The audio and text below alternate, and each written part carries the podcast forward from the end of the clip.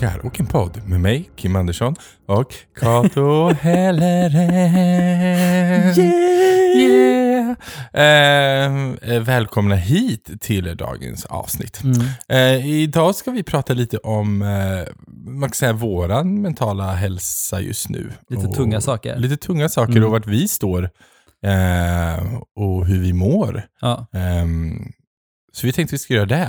Vi kommer Så- också ha en lyssnarfråga, den är kanske lite roligare än vad eh, allt annat är. Men vi, vi Hashtag tar, ångest liksom. hashtag ångest. Ehm, så att vi, vi tar det som det kommer lite, Mm. men eh, följ med. Häng med!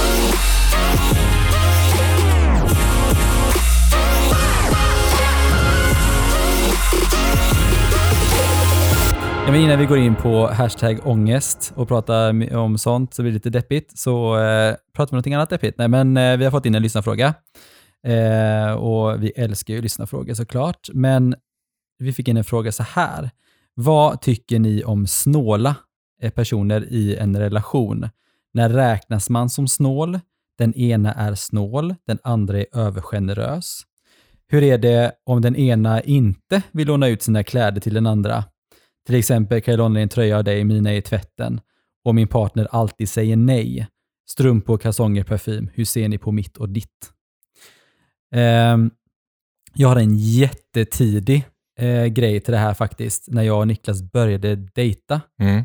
så hade vi varit ute och eh, det, skorna hade typ, jag vet inte om det hade kommit typ öl på eller om det hade kommit någon, någon kräk på eller något sånt där. Jag, jag, jag vet inte. Det var i alla fall att skorna var smutsiga. Eh, och så vet jag att han, eh, för då bodde han hos mig och då gjorde han i ordning sina egna skor. Alltså putsade och polerade dem. Och då kommer jag ihåg att jag sa till honom, jag bara, men varför tog du inte mina skor också? Han bara, men jag tänkte inte på det.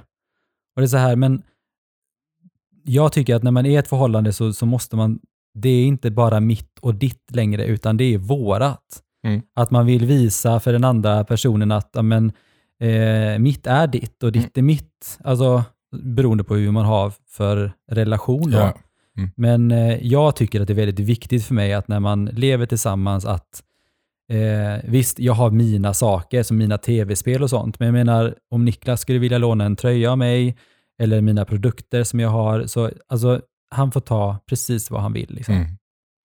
Det, Nej, tycker jag, jag kan nog hålla med. Alltså, så här, i, i, I mitt och Marcus förhållande är väl kanske jag den mer generösa och Marcus är kanske lite mer den snåla. mm, I, I köpsituation så kan det vara bra för då eh, håller han tillbaks mig lite ibland. Eh, för att jag har en tendens så, jag är en sån här, ett, jag är en, en impulshandlare. Och vill jag verkligen ha någonting så då köper jag det liksom. hashtag metoo. Ja men ja, typ. Eh, men grejen är den att jag, är- det är inte som att jag köper jätteofta grejer, men det blir kanske att jag köper lite dyrare grejer istället som jag tänker ska hålla i många, många år. Ja, liksom. ja. Eh, och då blir det lite dyrare.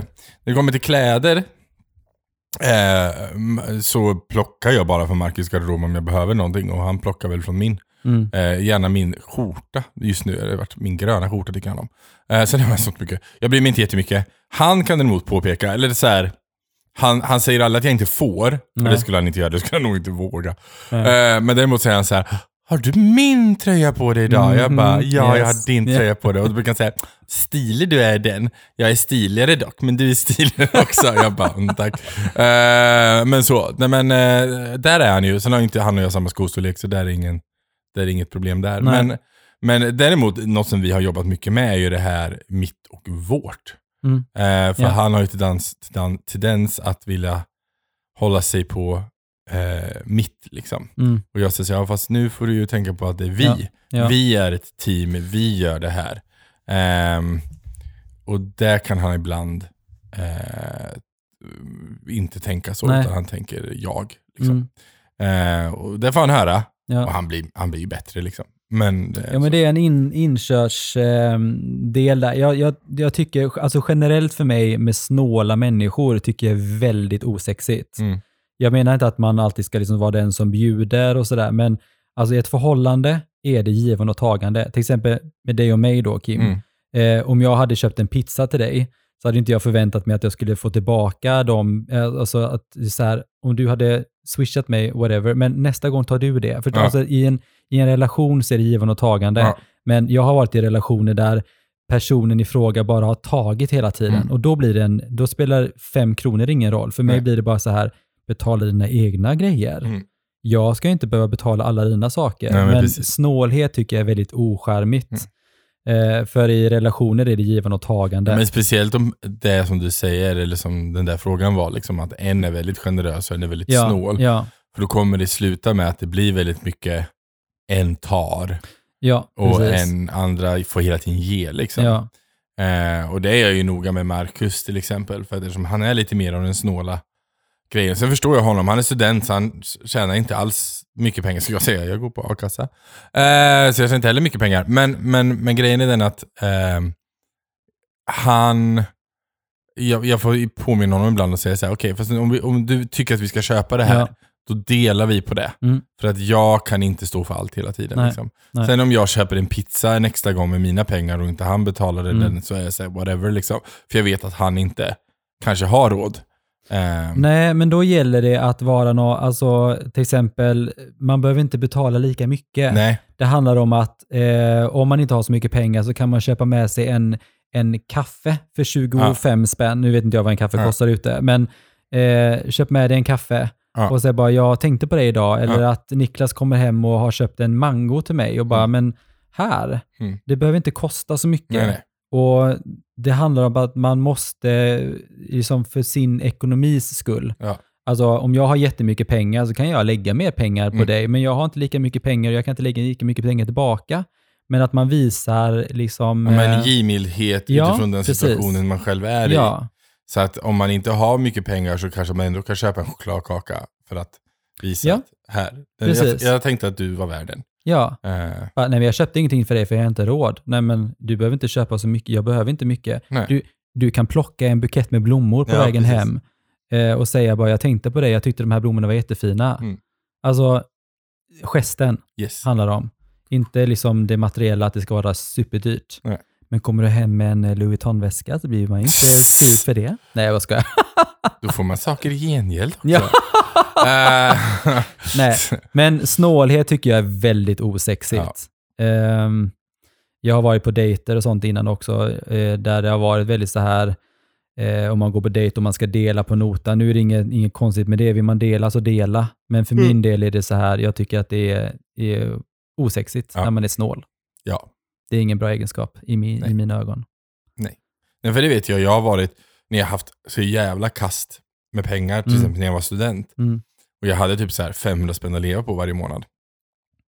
Eh, och jag gick på dejt. Och då var jag så jävla tydlig. Då var Mm. jag så här, jag avstår med pengar. Mm. Vi- Jag går jättegärna på dejt. Men vi ska göra någonting som jag har råd med. Då går Då vi inte ut och käkar. Då, går vi, Precis, då, ja. går vi, då, köper vi, då köper vi en picknick och sen så går vi och sätter oss i ett gräs. Eller vi går till och köper pizzeria för jag har råd med en pizza liksom. Men då är det inte snål, det är Nej, ekonomiskt. Det är ekonomiskt, men då kanske de, eh, precis, för då är jag så här, då, då blottar jag vad jag säger Ja. att jag har mitt problem just nu. Ja. Men eh, och då har det oftast varit så här, de bara, nej men fan jag bjuder på mat då. Mm. Kom, eh, vi går ut och käkar och jag bjuder på Ja. det. Eh, då är det så här, okej, men då vet du varför jag inte betalar. Alltså så här, just nu. Och så betalar du tillbaka med andra. Andra grejer. Sen så I will invite them to my bed and uh, we all solve that later on, okay? Så att, Så, ja, nej. nej. Eh, men typ. Men lite, lite hur vi mår då. Alltså, Ja. lite, alltså eh, vi pratade ju om det här, eh, här om veckan. Ja. Lite så här att visst, vi alla lever i corona och det är ganska deppigt. Man kan liksom inte göra så mycket, man kan inte resa, man kan inte leva liven som man, som man vill. Många jobbar hemma och sådär. Men eh, vi tänkte prata lite om hur det har påverkat oss. Ja, men precis. Och vårat välmående liksom. Och Ja. vad, vart vi är i livet och vad som gör att, vart vi, hur vi mår och varför vi mår som Ja. vi mår. Ja. Det har hänt mycket för oss båda. Mm. Eh, och det ska man väl vara ärliga med också. Eh, så att vi har ju inte våra toppdagar jämt heller. Nej, precis. Även fast vi kanske låter väldigt alltid glada i podden. Men vi har våra downs och vi har haft två väldigt tuffa perioder, både du och jag. Mm. Ehm, Det här är nog min, eh, min go to happy place. Alltså sådär, jag, jag är väldigt glad när jag träffar dig och kör den här podden. Mm. Eh, men som sagt, jag har varit väldigt eh, ledsen under en eh, period just Mm. nu. Men Ja, men du har haft, alltså så här, Vi har haft det båda tufft. Du har haft, eh, och du får berätta själv hur mycket du vill ha det, men Mm. du har haft, eh, din mamma har blivit sjuk, Mm. din bästa vän har blivit Mm. sjuk. Yes. Eh, det har varit jättemycket nya grejer på jobbet för dig. Ja. Ehm, och jag vet inte hur mycket du vill berätta om det, men, men, men det påverkar dig ju och det märker jag som, Ja. som vän. Ja. Att du, du, har mått, du har mått dåligt. Liksom. Ja. Eh, nej, men om man tänker en skala från 1 till 10, där 10 är liksom eh, jättebra, så har jag väl kanske varit och snurrat runt på mellan alltså, 3-4. Mm. Eh, under, alltså allting började väl, Niklas sa det eh, för, för ett tag sedan, att alla onda ting är tre. Mm. Att oftast, alltså dåliga saker kommer oftast inte själv. Nej. Och det började ju någonstans med när Niklas blev sjukskriven förra året. Eh, och se liksom en person som man verkligen älskar, eh, inte vara den han är. Liksom och gå igenom de sakerna tillsammans. Eh, men sen så är det då min, min bästa vän eh, fick, eh, fick ett cancerbesked. Mm. Eh, fick bröstcancer som har spridit sig till lymfarna. Vilket var väldigt, det var väldigt overkligt. Jag kommer ihåg jag, jag ringde dig och så frågade du om, om, om du ville att jag skulle komma, alltså om du ville Mm. att, att du skulle komma. Eh, och någonstans har det varit väldigt så här overkligt. Man tänker att alltså, ens bästa vän, som, alltså, det är inte bara min bästa, det, det är liksom min, eh, mitt allt. Mm. Alltså, ehm, så att jag vet inte hur ett liv utan henne skulle vara. Liksom. Mm. Eh, och eh, Nej, och sen så, så någonstans så börjar man acceptera hur det var. Eh, och sen så var det nästa törn då, då var det mamma då som har fått eh, lungcancer Mm. som har spridit sig till eh, levern. Så det är också, eh, så det var väldigt tufft. Då, då kom allting verkligen. Mm. Och jag kommer ihåg, jag, jag, alltså jag grät i alltså två, tre veckor, alltså varje dag, hela tiden. Mm. Och Niklas sa det att han hade aldrig, aldrig sett mig vara så ledsen. Och jag har aldrig heller varit så, eh, så ledsen på det. Men det har jag pratat om också, så här att jag är väldigt lätt att bli ledsen Mm. och har inga problem att, att visa det. Men jag tror nog att hur vi lever just nu i samhället, hur det ser ut eh, med corona och alltihop, att jag är väldigt påverkad av det. Ehm, och just det här satte verkligen, det, det var som fick bägaren att rinna över. Mm. Så just nu under våren har varit väldigt mycket fokus på eh, eh, nej men att ta hand om mamma. Eh, och som sagt, jag har fått kontakt med min syster och min bror igen. Mm. Vi har umgåtts en del, vilket också känns väldigt bra, men det är också väldigt mycket känslor. Mm. Eh, jag och min syster har inte pratat med varandra på väldigt länge. Och där är det också liksom mycket känslor som ligger under och, och sådär. Men eh, att vi gör det här tillsammans för att min mamma ska må bättre Ja. känns, känns väldigt bra. Men, eh, men nu känner jag liksom att nu, en dag så kände jag bara så här, nej men nu har jag gråtit klart. Mm. Eh, nu, nu vill jag vara stark för mamma. Så när mamma ringde mig till exempel och grät att hon var ledsen så kunde jag vara stark. Mm. För det vet jag att eh, eh, Petra sa att, att vara, alltså att berätta för andra att man har cancer och se andra bli ledsna gör att man själv blir ledsen. Mm. Att man inte vill vara ledsen för dem för att man vill, man vill vara stark. Men nu, vill jag, nu känner jag att jag vill vara stark för dem. Mm. Eh, så, och cancer aldrig liksom, jag vet att du har pratat med, med, om din mamma Mm. och liksom man, alltså cancer är någonting man hör men det har liksom aldrig liksom Påverkat påverkat mig, alltså Mm. sådär, eh, förrän nu då. Så det, eh, nej, så det har varit, eh, det är fortfarande väldigt tufft men jag har någonstans landat i, i hur, det, hur det är liksom. Mm. Att eh, livet är som det är och någonstans på vägen så, så får man eh, en, en annan typ av, eh, ska man säga, eh, man får en annan relation till livet. Ja. Att andra saker blir inte så viktiga, utan det som är viktigt är dina relationer. Och det känner jag både med, med Petra och med min mamma, att eh, min mamma och jag har haft en jättefin relation. Vi, eh, vi har en ärlig relation där vi, så att eh, om livet händer att, att någon av dem skulle gå bort så, så är det liksom att eh, då är livet så. Mm. Eh, jag skulle aldrig ångra någonting som jag har sagt eller gjort, för att vi, vi har liksom pratat om de grejerna. Ja. Eh, och det är jag glad över, att vi har en sån fin relation. Att, eh, men sen är det ju klart att man inte vill att de ska dö. man vill ju att de precis. ska leva. Men sorg kommer ju alltid finnas. Men, precis. eh, det- Ehm, men det var nog det som, som tog mig väldigt hårt i början. Att, Mm. liksom att, ehm, att, man, att man inte vet vad som kommer hända. Mm. Det var väldigt, um, väldigt jobbigt. Ja, eh, alltså det är det. Och just, kan jag ju bara tala erfarenhet av just cancern. Det är oftast någonting som, det har ju gått väldigt fort. Speciellt din mammas. Ja, men det är oftast någonting som är långdraget och i- början så blir man ledsen men sen så lär man sig också att ja, leva med den biten. Ehm, och jag vet själv liksom när mamma, när, när mamma fick det, liksom, att i början var det ju jättetufft. mm, Och alla, och alla runt omkring ska börja tappa på, tippa på tå liksom, och fråga hur de mår och hela grejen. ja, Det enda man vill någonstans är komma tillbaka till någon slags normalläge. ja. Ehm, för man vill inte bli påmind hela tiden om det. Nej, och, det och jag förstår den, det jobbiga med det. Att gå omkring och ha den känslan och att man blir påmind av att alla av helt klart ehm, alltså av, av hänsyn, de vill ju bara de vill ju bara kolla läget. Ja. Men av att de kollar läget hela tiden så blir man också påmind om det hela tiden. ja, Och det i sin tur leder till att man går omkring och bara tänker på det. Ehm, Niklas var väldigt fin där. Han sa det att, eh, han har sagt det till mina vänner och bekanta och sådär, att men, ta gärna de här sakerna med mig. Ja. Eh, för Kato tycker att det är lite jobbigt just nu, eh, när så många hör av sig, för att jag vet inte alltid vad jag ska skriva. Nej. Och det, är så här, det, är en, det är inte bra. liksom. Och någonstans när man skriver det eller säger det, när någon frågar hur mår du, om Ja. man säger ut det, att jag mår skit, så, så blir man också väldigt ledsen av det. Mm.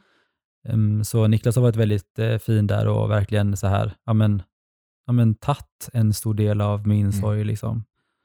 Så att, ehm, nej, det är väldigt viktigt att man har en bra relation känner jag. Jag är Mm. jätteglad att vi har en sån fin relation som vi har. Så det är jag väldigt glad över. ja, men det är bra.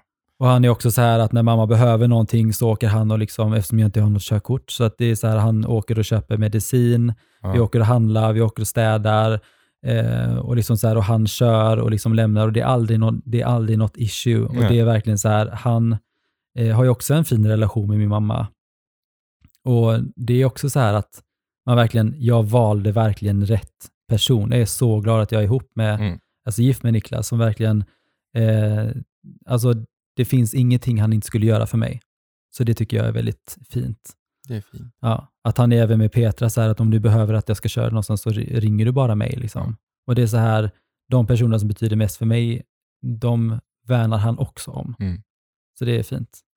Det är väldigt fint. Ja. Men lite om dig då, hur, eh, på en skala 1 till eh, 10, hur har du, hur mår du då? Eh, Jag har legat på eh, skalan där jag, jag kallar dem för psykoplippar. det är när när jag mår så dåligt att eh, jag får utslag runt ögonen. Liksom. Oj då. Ehm, då ligger jag på en, eh, då ligger jag på en, en trea, fyra. Mm. Eh, där någonstans har jag också legat. Eh, men det är mycket, mycket beror på Stora delen är att jag är arbetslös eh, och hittar jobb. Mm. Eh, och, och jag vet att det är en jättesvår tid att hitta nytt jobb för att det är jättemånga som är arbetslösa. Vi har haft så här hög arbetslöshet har vi inte haft på jada jada jättelång tid. Liksom. Eh, det som frustrerar mig är att jag inte ens får komma på intervju. Nej. Ehm, och då känner jag mig bokstavligt talat ganska värdelös. Mm. Eh, jag känner mig ganska oviktig för samhället Mm. och oviktig för att finnas. Liksom. Och, det, och den har varit jobbig. Ehm, och jag har försökt att liksom hitta de här grejerna som gör att jag betyder någonting. Liksom. Att jag har någon betydelse. Mm. Eh, podden har varit en sak, absolut. Eh, jag har börjat streama med min bästa vän.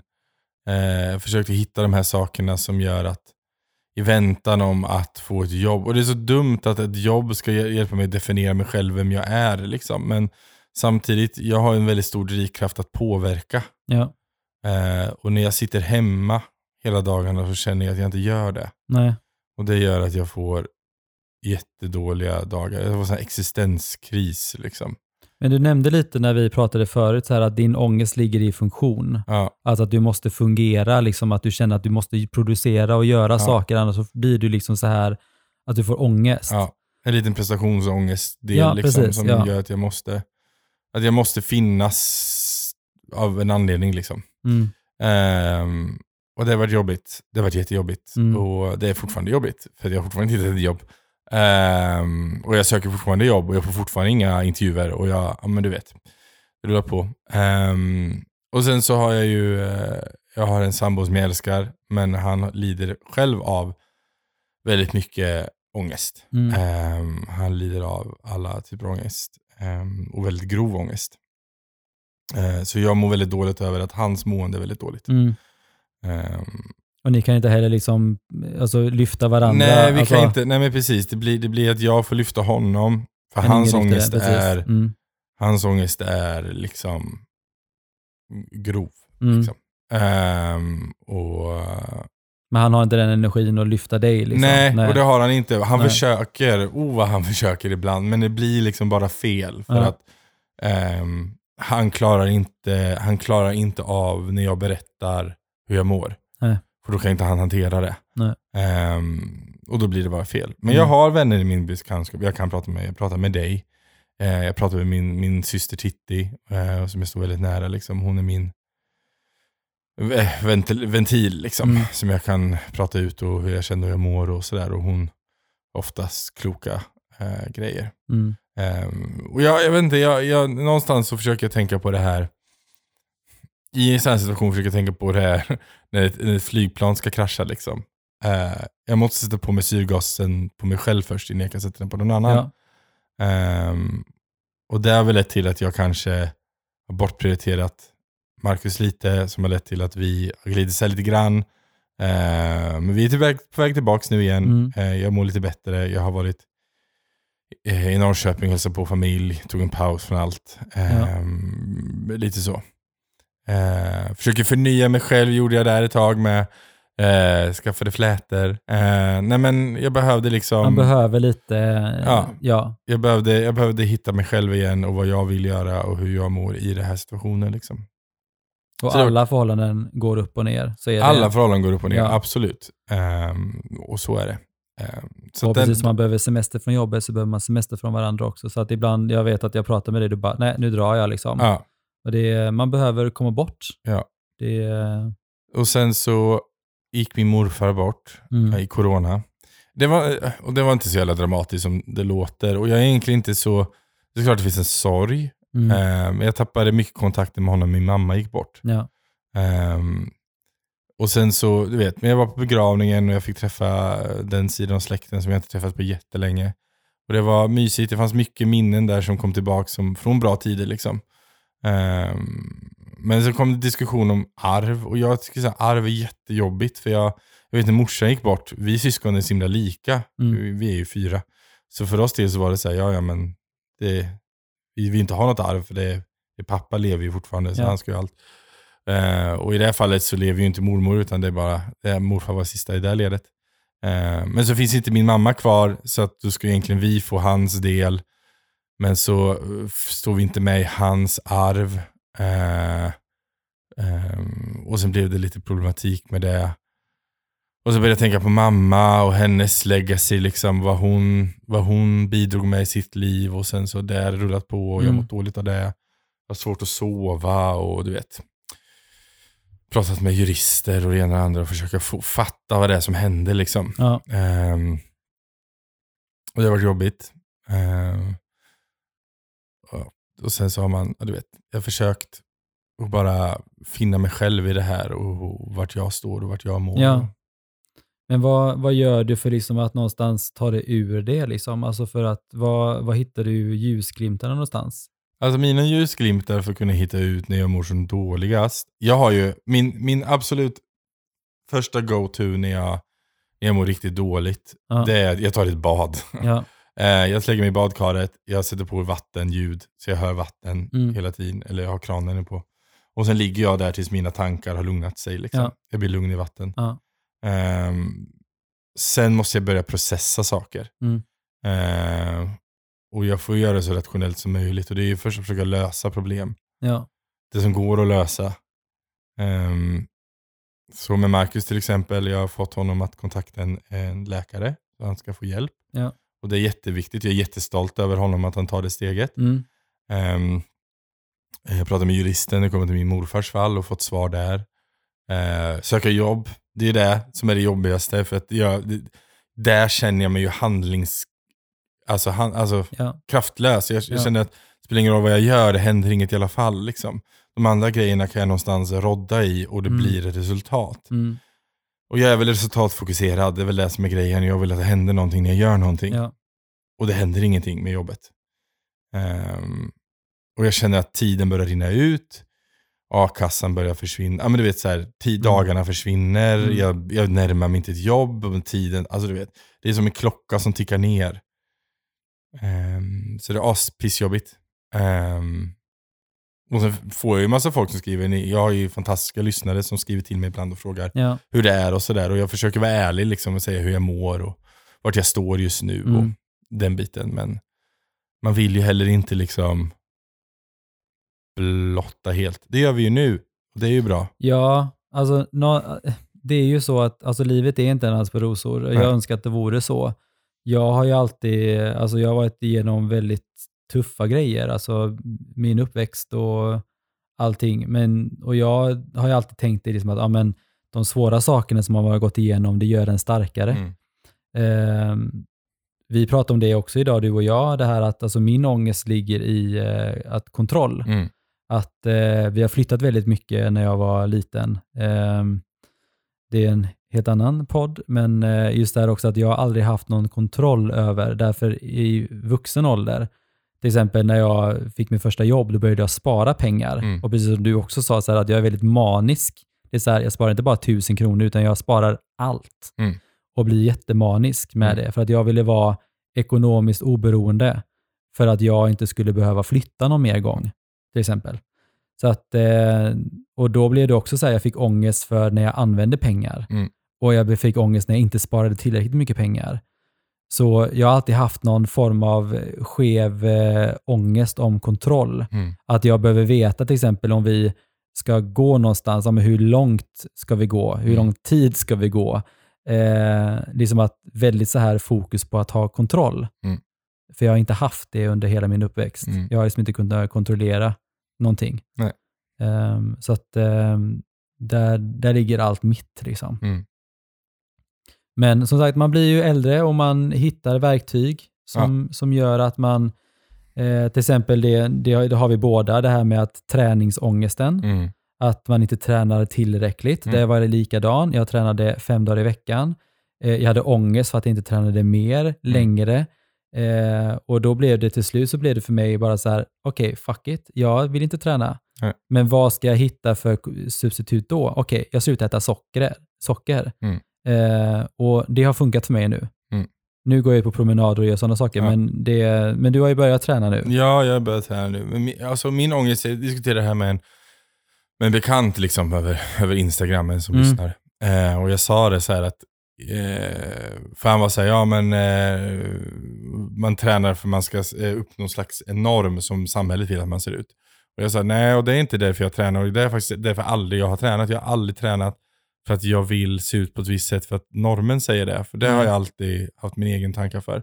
Jag tränar för att jag har, och det har jag också så här lite ångest över. Och det är inte eh, medelålderskris på så sätt. Jag, jag, har, jag har lite ångest att, ehm, inte att dö i sig, ehm, för det vet jag att vi alla kommer göra. Och det är någonstans ganska ro med. Jag, mamma sjuk och allting. Jag har liksom sett det.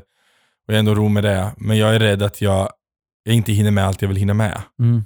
Att jag, Ja. att jag har ångest med att, säga att jag har så mycket jag vill göra nu Ja. i mitt liv. Och jag känner att jag hinner inte allting och varje gång jag blinkar så bara, så bara försvinner två Ja. år. Liksom.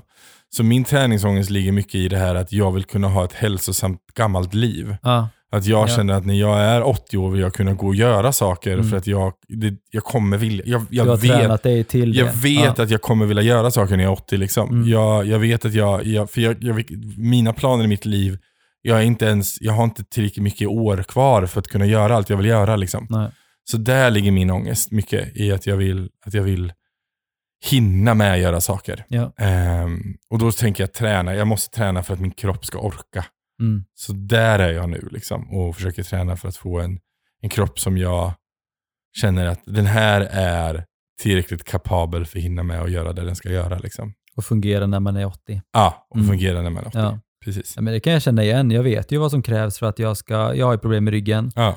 Eh, jag var ju så nära i februari att göra en steloperation, men jag eh, skippade faktiskt det. Mm. Ja. Och eh, började liksom med lite övningar och försökte göra det eh, själv. Liksom. Ja. Jag vet ju vad som är bra för mig, Mm. men ändå så gör man det inte. Nej.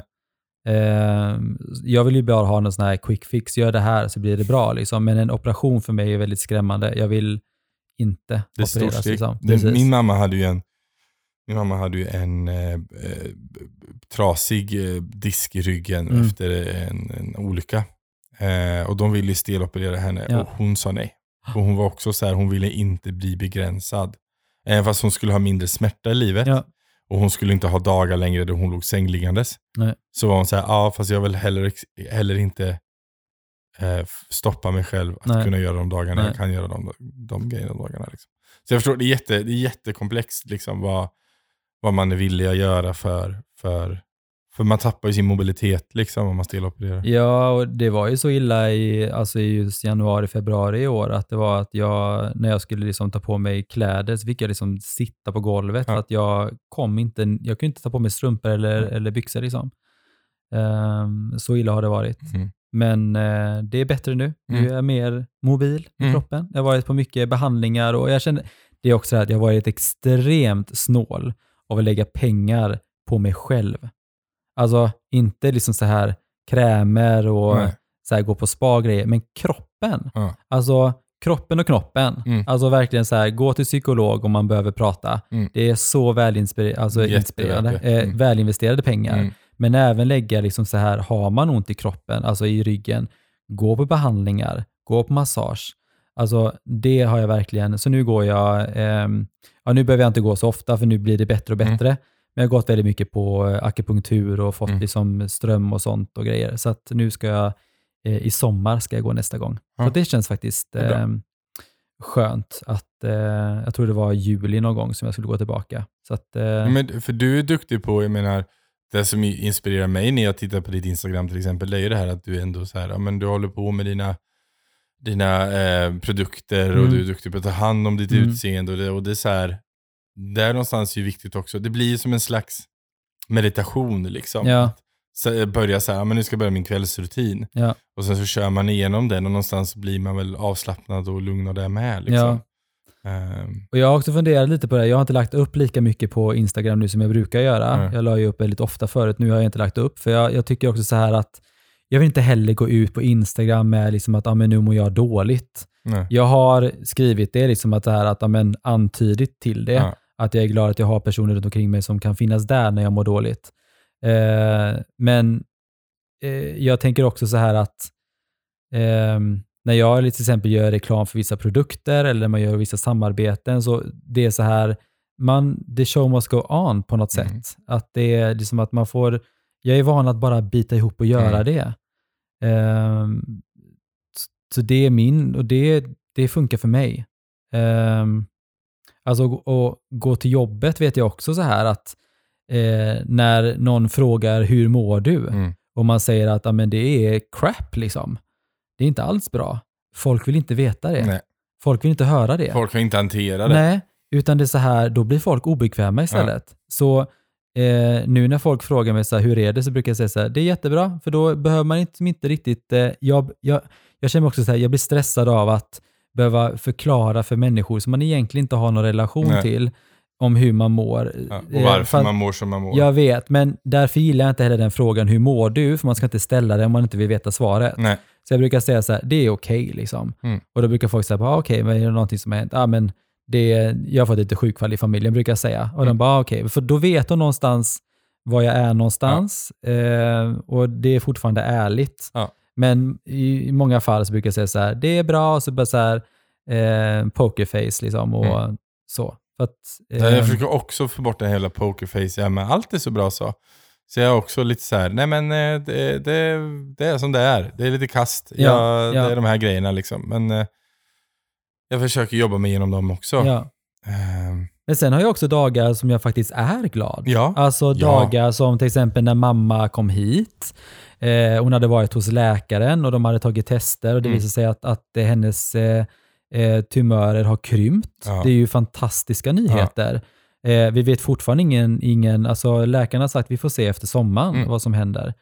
Eh, och samma med, med Petra, att hennes tumörer också har krympt. Men det är också så här att, att se sin mamma och sin bästa vän, alltså Så dåliga. är sjuka. Mm. De, de är sjuka liksom. Att de är, de är inte sig själva Och på se något sätt. deras ångest också. Alltså, för de har ju sina... Ja. De jobbar ju jättemycket med, med, sin, med Ja. sin hälsa nu. Liksom. Både mentala och den, den fysiska. Och det är ju påfrestande för omgivningen att se också. Jag vet. Jag menar, eh, jag kan ju bara prata från min tid när Mm. mamma var sjuk. Liksom, att man, man, man någonstans vill man ju finnas och stötta där. Eh, men man mår ju också dåligt av att se att de mår så dåliga hela tiden. Ja. Liksom. Eh, Det, det tuffaste, det absolut tuffaste under den här perioden, det var faktiskt när eh, Petra fick dödsångest. Mm. Och var så ledsen. Eh, och jag, jag ville bara, liksom bara gråta och bara krama om henne, men det är corona också, så Mm. Ja. att får hon corona så är det jättehemskt. Ja. Liksom. Men jag kommer ihåg, jag gick och lämnade medicin till henne och hon satt i trappan och, och grät för att hon hade dödsångest. Eh, och då fick jag inte gråta. Jag vet, det var så jäkla tufft. Eh, för jag ville verkligen vara stark för henne. Eh, och det, det var nog det tuffaste. ja. Men det är också så här att jag vill gärna vara stark för henne. Mm. Eh, och det är samma med mamma också.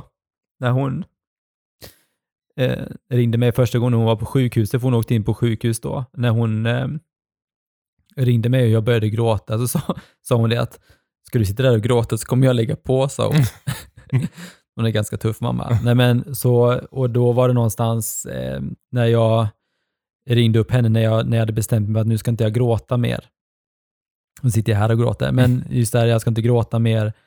Eh, då började mamma gråta för mig. Ja. Eh, och det tyckte jag var väldigt eh, fint, att jag kunde liksom så här, men stötta henne och, och så här att nu tar vi dag för dag eh, och sådär. Så att, eh, och de som sa att när man gråter så får man vackra ögon, though they lied. They Ja, det ska lie jag inte. so much. Alltså, du, jag säger bara en sak, jag gjorde det här, jag gjorde det här modelljobbet där jag skulle vara läkare. Ja. Kommer jag berätta om det? Ja. Jag tror jag berättade om det här också. Men jag grät ju typ två veckor i sträck, alltså varje dag. Jag kunde typ börja gråta, du vet, Ja. när som liksom. Eh, det var så jävla sjukt. Och jag tillät mig själv också att bara gråta. Blir jag ledsen så grät jag. Ja.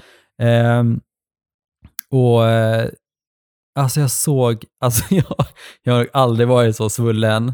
Och när jag skulle göra det här modelljobbet, när jag vaknade upp, jag bara, alltså det är inte ens sant liksom. Jag ser ju som att jag har typ fått stryk.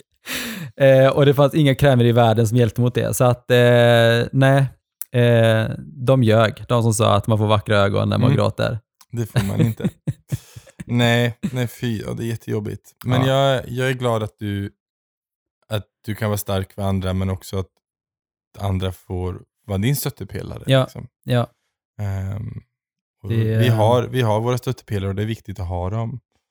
Ehm, Ja. Så att vi kan, vi kan också förlita oss på dem och, och, och liknande. Ja, verkligen. Nej, men just det också att det, för mig så är det också så här, vi tar dag för dag, men i, jag kan inte heller acceptera att, att någonting negativt skulle hända. Nej. Eh, för mig är det liksom att alltså, det finns inget liv utan de, alltså de personerna i min, alltså, som Petra och mamma. Eh, jag vet inte hur jag skulle vara till exempel alltså, utan Petra. Hon har ju som funnits där för mig. Vi har varit bästa vänner i 22 år Mm. vi pratar ju varje dag. Det, det är som så här, hon måste bli frisk. Alltså, för att ja, men hon bara måste det. Mm. Så att, eh, nej, så att eh, den här våren har varit väldigt, eh, väldigt prövande. Mm. Och just med corona också, inte kunna komma och hälsa på mamma på sjukhuset eller eh, kunna Mm. åka hem och ge Peter en kram liksom, eller sådär. Och kunna finnas där fysiskt liksom. Ja, precis. Och det sa du också när du var på det här på begravningen. Att liksom att när man såg att folk var ledsna, att man inte kan ge den här fysiska kontakten. Det är ju jätte... Alltså det ja, gör jag ju menar, någonting vissa med... utav mina, de här släktingarna har inte jag träffat sedan mamma gick bort. Nej. Eh, och det är ju 15 år sedan. Eh, mer. Ja, det är länge Ja. sedan. Och jag menar, jag har inte träffat dem, några av dem sedan dess typ. Och det första man ville se när de är ledsna, det är bara att ge dem en kram och säga så här, men jag finns här. Ja. Och så kan man inte göra det, utan det blir bara en slags tyst, folk tittar på varann och sen så blir det liksom inget mer. Det blir bara en krystad Ja. situation. Ja. Liksom. Där alla vill inget annat än varandra en kram, men Nej. så kan man inte göra, men du vet. Ja, jättejobbigt. Mm. Men, det är där vi är. Precis. Ja. Och där är jag, nog, jag är väldigt glad över, alltså jag har alltid levt med den här otryggheten i hela min uppväxt. Mm. Och där är jag väldigt glad att jag hittade den tryggheten som jag behövde i Niklas. Ja. Eh, att vi har ett eh, jättefint förhållande och att vi kan hitta, eh, ja, men, att vi kan finnas som en stötta för varandra. Det, verk, det har verkligen prövats Ja. nu under det här senaste året. Liksom och även i sina relationer Mm. med vänner och sådär. Alltså vad, man ska inte vara elak och eh, eh, ja, men taskig mot någon, utan eh, det här är mitt tips till dig som lyssnar, att eh, har du någonting osagt till någon, ring och säg förlåt. Eh, var det inte ditt fel, ring och säg förlåt ändå. Mm. Det, livet är för kort för att gå runt och vara, vara arga och Mm. Ehm, utan man ska försöka värna om sina relationer och göra det bästa man kan. Verkligen. Så, eh, så det, ehm, det sa Bra jag faktiskt till min, till min syster, att vi, vi har ju väldigt mycket alltså, saker som vi har sagt till varandra, saker som jag har sagt till henne, eh, mycket som, är, som man inte kan ta tillbaka. Mm. Eh, men jag sa det till henne senast vi var hos mamma, så sa jag att om, om jag har sagt någonting till dig som har sårat dig eller gjort dig ledsen, så, så ber jag om ursäkt för det. Och det, eh, det var inte svårt för mig att be om ursäkt. Det, oavsett om jag tycker att jag har gjort fel, hon har gjort fel, vem som har gjort fel. Det är så här, jag bryr mig inte om det Mm. nu. För mig är det liksom att eh, man får ta nästa steg och gå vidare. Ja. Sen handlar det också om att bara för att jag har tagit det steget och gått vidare, så behöver det inte betyda att hon har tagit det Nej. steget. Nej, så det. Men jag sa det till henne att om hon känner att hon vill ta en kaffe med mig eller bara ringa mig, så, så finns jag här. Ja. Det är bara ett telefonsamtal bort. Ja. Och det, Det är fint. För jag känner det också att oavsett, vi är jätteolika, superolika, tycker olika är mycket, men eh, det är fortfarande min syster. Ja. Och eh, man kan bygga en relation som är ärlig, men också som är där man respekterar varandras olikheter.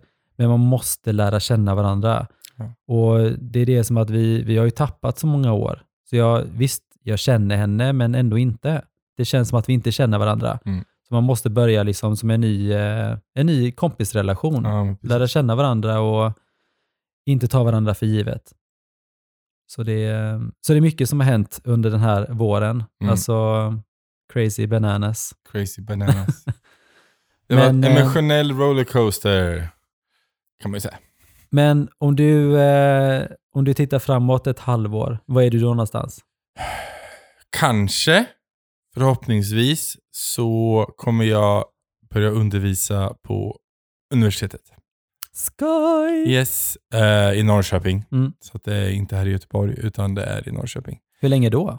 Eh, ett halvår först, och sen kanske förlängt.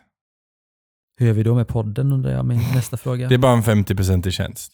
Ja. Så att jag, och jag har sagt att jag inte kommer flytta till Norrköping, utan jag kommer pendla. Eh, jag måste bara diskutera hur det schemat kommer se ut. Mm. Eh, men jag, jag behöver ett jobb. ja, Jag, jag är på väg att gå under liksom. Mm. Och det Det är är skönt att få den, den eh, liksom, eh, bara sticka Ja. bort och köra lite där borta och Ja. hinna sakna varandra också. Precis. Både Det- det och mig menar jag. Ska... Det får vi se. Jag, vi har ju tio år kört halloween på Kolmården. Just Eh, det kanske blir av i år också. Ja. Eh, det vet vi inte än. Eh, jag får ändå inte göra någonting just nu i alla fall för jag har a-kassan. Så att jag, jag sitter hemma. Men då ser det ändå så lite ljusare ut. Alltså, Ja, jag, som sagt, jag hoppas ju att det blir bättre där. Liksom. Mm. Ehm, jag har också eh, jag har sökt om att byta efternamn Mm. eh, för att se om jag lyckas göra det. Så det kanske inte blir kim.r.andersson i slutet, det kanske blir någonting annat. Vi får se. Det är inte säkert jag får igenom det, men det är ett helt nytaget namn i sådana fall. Eh, ja, det ska bli, det ska bli nice. Jag har aldrig, jag har aldrig känt mig hemma i Andersson, så det är dags för någonting annat. Nej. Så vi får se Mm. vad det blir. Mm. Eh, det kanske händer. Annars då? Det är du då? Eh, nej men jag har sagt det att eh, eh, Peter har ju sin operation i juni. Eh, och sen så får man ju kolla efter hur det blir med sommar. Men eh, i höst så hoppas jag att jag och Peter kan sitta på ett café i Paris och prata skit och dricka lite kaffe. Det är våran go-to place. Ja, det, är våran, det är våran stad. Ja. Så det hoppas jag. Ehm, jag fyller ju också 40 Mm. i juli.